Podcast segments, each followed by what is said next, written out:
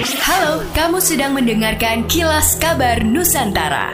Podcast persembahan KG Radio Network menyajikan berita harian yang mengangkat keunikan dari berbagai wilayah Indonesia. Kilas Kabar Nusantara dapat juga didukung oleh pengiklan loh.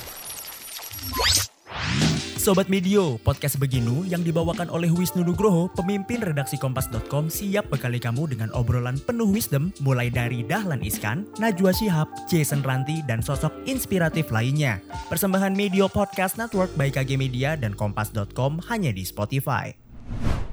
Kementerian Kesehatan mencatat Sulawesi Selatan telah memberikan imunisasi tambahan campak dan rubella kepada 1,2 juta anak dari total sasaran 1,8 juta lebih hingga 13 Agustus pada bulan imunisasi anak nasional BIAN tahun 2022. Dengan capaian tersebut, Sulsel telah mencapai imunisasi tambahan sebesar 69% persen dari target 95% persen tahun ini.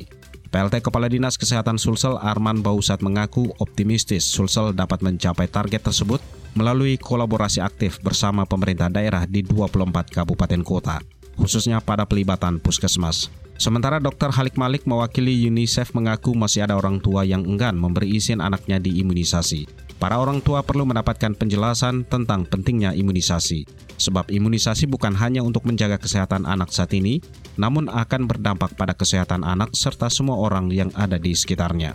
Warga desa Parepei, Kabupaten Minahasa, Sulawesi Utara mengeluhkan penyaluran dana bantuan langsung tunai tahun 2022 yang dinilai tidak transparan. Keluhan warga disampaikan ke pengurus DPW KPK Tipikor Sulawesi Utara. DPW KPK Tipikor Sulut menerima pengeluhan masyarakat Desa Parepei terkait penyaluran dana BLT. Menurut Desi Tombokan, perwakilan warga Desa Parepei mengeluhkan penyaluran dana BLT tahun 2022 yang dianggap tidak transparan. Hal utama yang dipersoalkan adalah terkait nama penerima BLT yang diganti pemerintah desa tanpa pengetahuan dari warga penerima. Menurut warga, perubahan data penerima BLT seharusnya didahului musyawarah dan berdasarkan kriteria yang ada. Selain itu, warga juga mengeluhkan terjadinya pemotongan dana BLT yang nominalnya mencapai separuh dana yang diterima.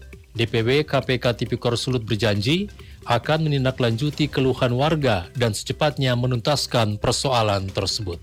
Untuk mewaspadai potensi bencana seperti banjir dan longsor, bating sor, anggota Polsek Menyuke Bribda Andika Radia Bagaskara memantau aliran sungai Menyuke. Pantauan Sungai Menyuke tersebut yang berada di Desa Songga, Kecamatan Menyuke, Kabupaten Landak pada Minggu 14 Agustus siang. Dirinya menganjurkan setiap hari selalu siaga bergantian piket 24 jam untuk mengantisipasi adanya kejadian di wilayah Kecamatan Menyuke. Ia mengatakan sungai Menyuke yang terus dipantau karena ketika musim hujan seperti yang saat ini terjadi, debit air pasti naik. Sementara itu, Kapolsek Menyuke Ibda Hendra Setiawan AMD menyampaikan dengan situasi ini, pihaknya dari Kepolisian Sektor Menyuke akan selalu memantau sungai Menyuke. Selain itu, kepada masyarakat juga diminta tetap waspada dan segera mengungsi ke tempat yang aman ketika hujan deras turun lagi. Demikianlah kilas kabar Nusantara pagi ini.